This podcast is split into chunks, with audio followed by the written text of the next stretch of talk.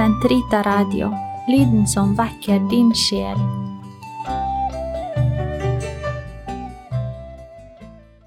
Kroppens teologi, en kommentar til pave Johannes Paul 2.s onsdagskatekeser av Eirik Ambrosius Stenhoff. Totus tuus ego sum, et omnia mea tua sunt, Archipio te in mea omnia, prebe mi cor tum Maria.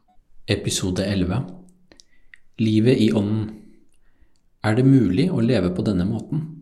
Katekesene 50 til 63 Del 2 Renhet som hellighet Katekesene 54 til 59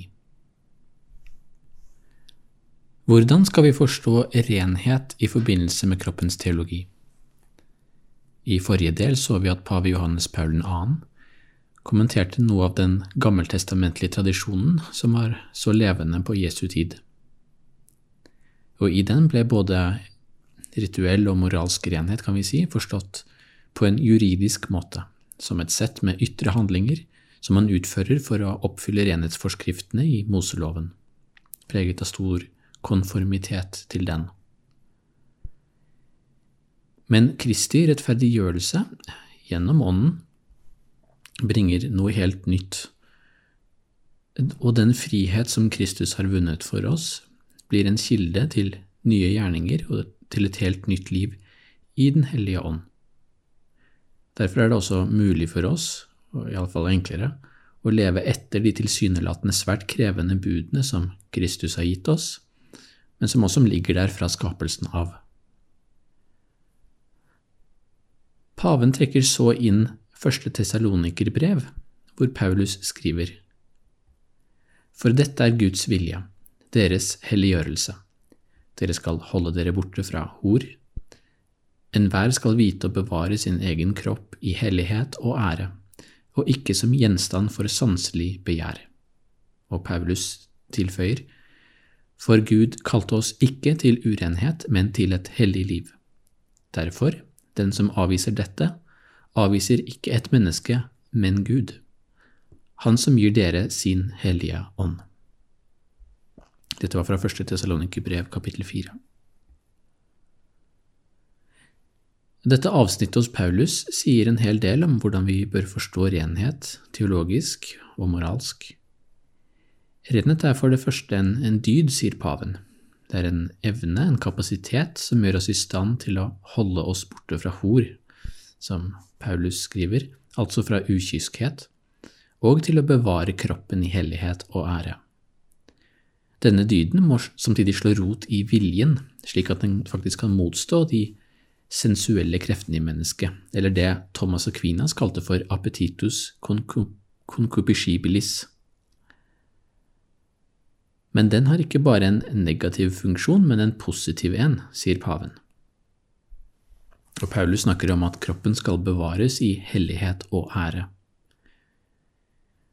Og paven sier at nettopp avvisningen av begjær på den ene side og bevaringen av kroppen på den annen, ja, det er to funksjoner som er nært avhengige av hverandre, og de kan bare realiseres på samme tid. Og Paulus understreker, som vi har sett i Galaterbrevet, hvordan renheten er noe mer enn bare en evne, men en frukt av Den hellige ånd. Derfor kan han i Tesalonikerbrevet si at kroppen skal æres og helliges. Paven trekker frem enda et Paulusbrev for å gjøre denne sammenhengen litt klarere, nemlig første Korinterbrev 12. Og her finner vi Paulus' berømte beskrivelse av de kristne som lemmer på Kristi legeme. Og i denne eklesiologien, læren om kirken, anvender Paulus nettopp menneskekroppen som en analogi.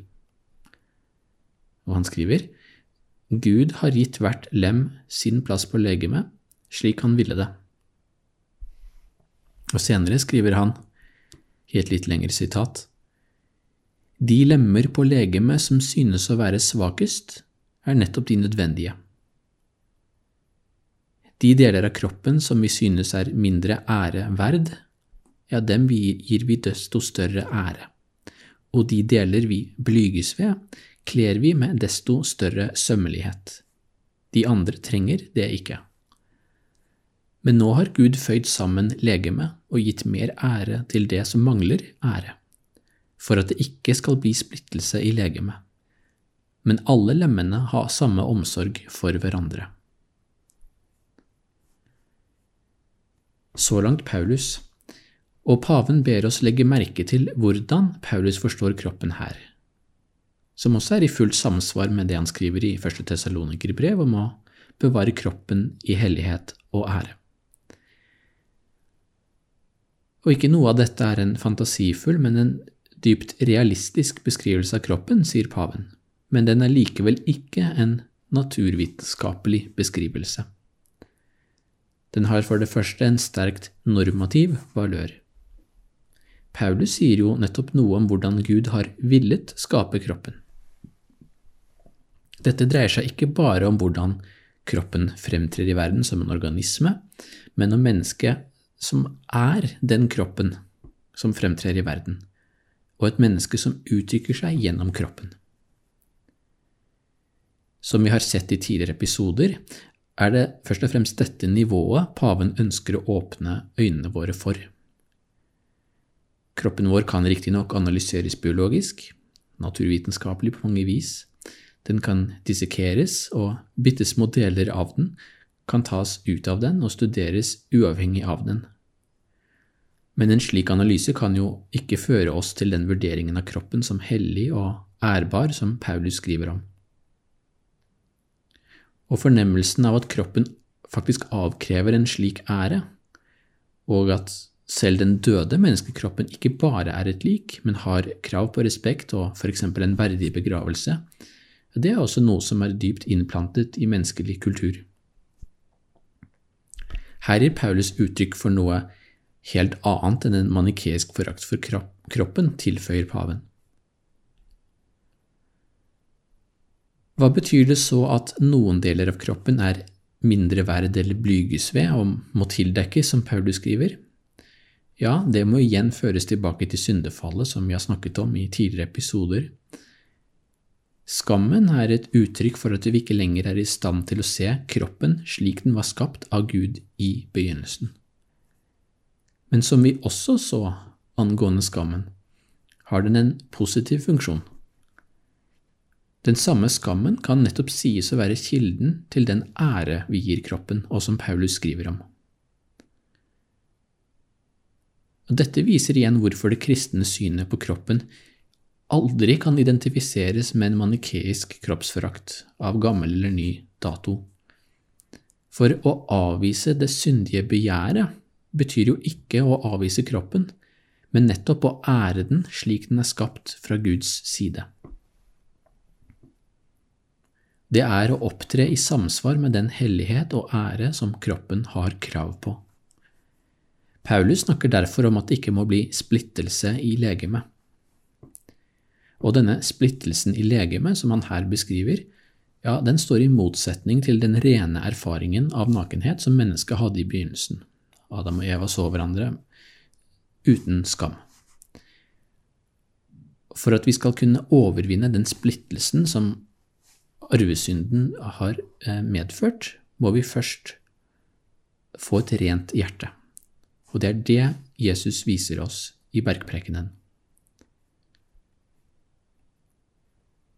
Er renhet en dyd vi oppøver selv, eller en gave fra Den hellige ånd? Paven sier at den naturligvis er begge deler. Paulus gir uttrykk for dette flere steder, f.eks. når han taler om kroppen som Den hellige ånds tempel i 1. Korinterbrev 6,19. Han legger overfor korinterne stor vekt på kroppslige synder, som de vel hadde begått selv i stor grad, nettopp fordi de er synder mot Den hellige ånds tempel, Slike synder står i motsetning til å bevare kroppen i hellighet og ære. Og derfor er det et viktig moment her. Det er noe mer enn bare en moralsk eller dydsetisk dimensjon ved synder knyttet til begjær og seksualitet. Kroppen er faktisk så ærbar at slike synder ja, innebærer vanære, som er en teologisk kategori. Her trekker Paulus, som vi vet, flere steder veksler på det gammeltestamentlige vokabularet knyttet til tempelet og til avgudsdyrkelsen. Det er ikke bare det faktum at menneskekroppen er kroppen til en person eller et subjekt som er viktig for Paulus, men det klinger også med her. Men det er det faktum at kroppen er Helligåndens bolig, at Gud har tatt bolig i den, og at den i så måte ikke lenger er menneskets egen, som han skriver. Og dette er svært viktig for en kristen teologi om kroppen, for den peker på hvordan Kristi frelsesverk, Kristi forløsning av mennesket, også omfatter kroppen. Paven sier, sitat, Gjennom forløsningen har hvert enkelt menneske mottatt seg selv og sin kropp på ny, så å si, fra Gud. Kristus har skrevet inn i menneskekroppen, i kroppen til hver mann og kvinne, en ny verdighet, fordi han selv har tatt opp menneskekroppen sammen med sjelen og forenet den med den guddommelige personen som han er, Sønnen eller Ordet. Sitat slutt. Og dette peker med andre ord på inkarnasjonens betydning for menneskekroppen og kroppens verdighet. Paulus skriver at kroppen ikke er til for hor, men for Herren, og Herren er til for kroppen.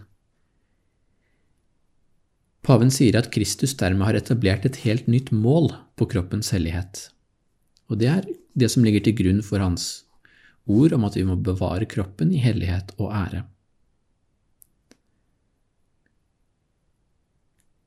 Helliggjørelsen av kroppen har altså en kristologisk dimensjon, men den har også en pneumatologisk eller karismatisk dimensjon. Vi skal ære kroppen fordi Den hellige ånd har tatt bolig i den og virker i oss gjennom sine nådegaver. Den åndelige tradisjonen, etter profeten Jesajas ord, snakker om Den hellige åndens syv gaver. Og paven peker ut særskilt fromhetens gave, donum pietatis på latin, som særlig relevant i forbindelse med renhet. Og fromhet er noe vi utviser overfor Gud, sånn i utgangspunktet. Men siden kroppen er Den hellige ånds tempel, gjør også den krav på vår fromhet, vår særskilte ærbødighet. At vi viser den den ære som tilkommer den, i lys av at den er skapt og frelst. Og Dette gir også en rikere tilgang, sier paven, til å erfare den ekteskapelige betydningen av kroppen som den er skapt med. I 1. Korinterbrev 6 oppfordrer Paulus korinterne til å ære Gud i legeme, som det heter i den norske 1930-oversettelsen av Bibelen. Å ære Gud i legeme. Og å ære kroppen er å ære Gud, og opptre i samsvar med den meningen som kroppen er gitt fra, fra begynnelsen av. Ja, det er å ære Gud. Renhet er sier paven, menneskekroppens herlighet overfor Gud. Og den gjør det mulig for mennesket å uttrykke seg slik det er skapt, på en enkel og likefrem, ja, vakker måte.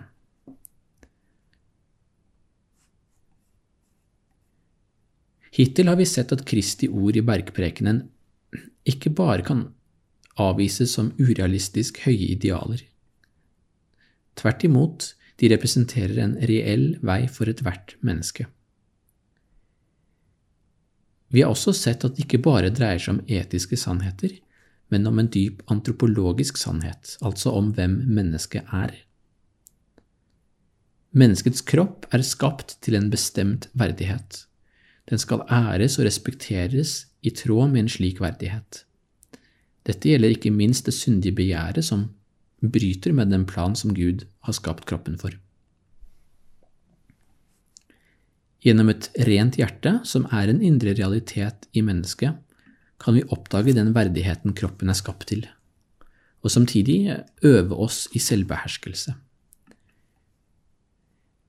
Slik vil vi også se at Kristi ord om ekteskapsbrudd i hjertet, samt eh, Paulus sine brev, og lest i sammenheng med, med dem, ja, det dreier seg ikke bare om en negativ forståelse av selvbeherskelse, men det åpner opp veien mot hjertets renhet. Paven oppsummerer um, alt dette som følger. Sitat. Gjennom å modnes i renheten kan mennesket nyte fruktene av sin seier over begjæret, en seier som Paulus skriver om når han oppfordrer alle til å bevare kroppen i hellighet og ære. Men enda mer enn dette viser slik modenhet hvordan Den hellige ånds gave er virksom i oss, hvis kropp er dens tempel. Denne gaven er fremfor alt en fromhetens gave, donum pietatis, som gir tilbake til kroppen en erfaring, og dette skjer særlig i relasjonen mellom mann og kvinne. All den erfaringens enkelhet, klarhet og indre glede. Dette er åpenbart et veldig annerledes åndelig miljø enn de syndige lidenskapene som Paulus skriver om. For tilfredsstillelsen av lidenskapene er faktisk én ting, men en ganske annen ting er den glede et menneske finner ved å beherske seg selv på en mer fullkommen måte, og på den måten bli en sann gave for den andre personen. Sitat slutt. I tredje og siste del skal vi se på pavens slående og fortsatt brennaktuelle analyse, og i lys av det vi hittil har sagt om eh, syndefallets konsekvenser, av den moderne medie- og underholdningskulturen og dens ofte usunne eller til og med perverterte skildringer av menneskekroppen. Gloria patri et filio et spiritui sancto, sicut erat in principio et nunc et semper, et in secula saeculorum. Amen.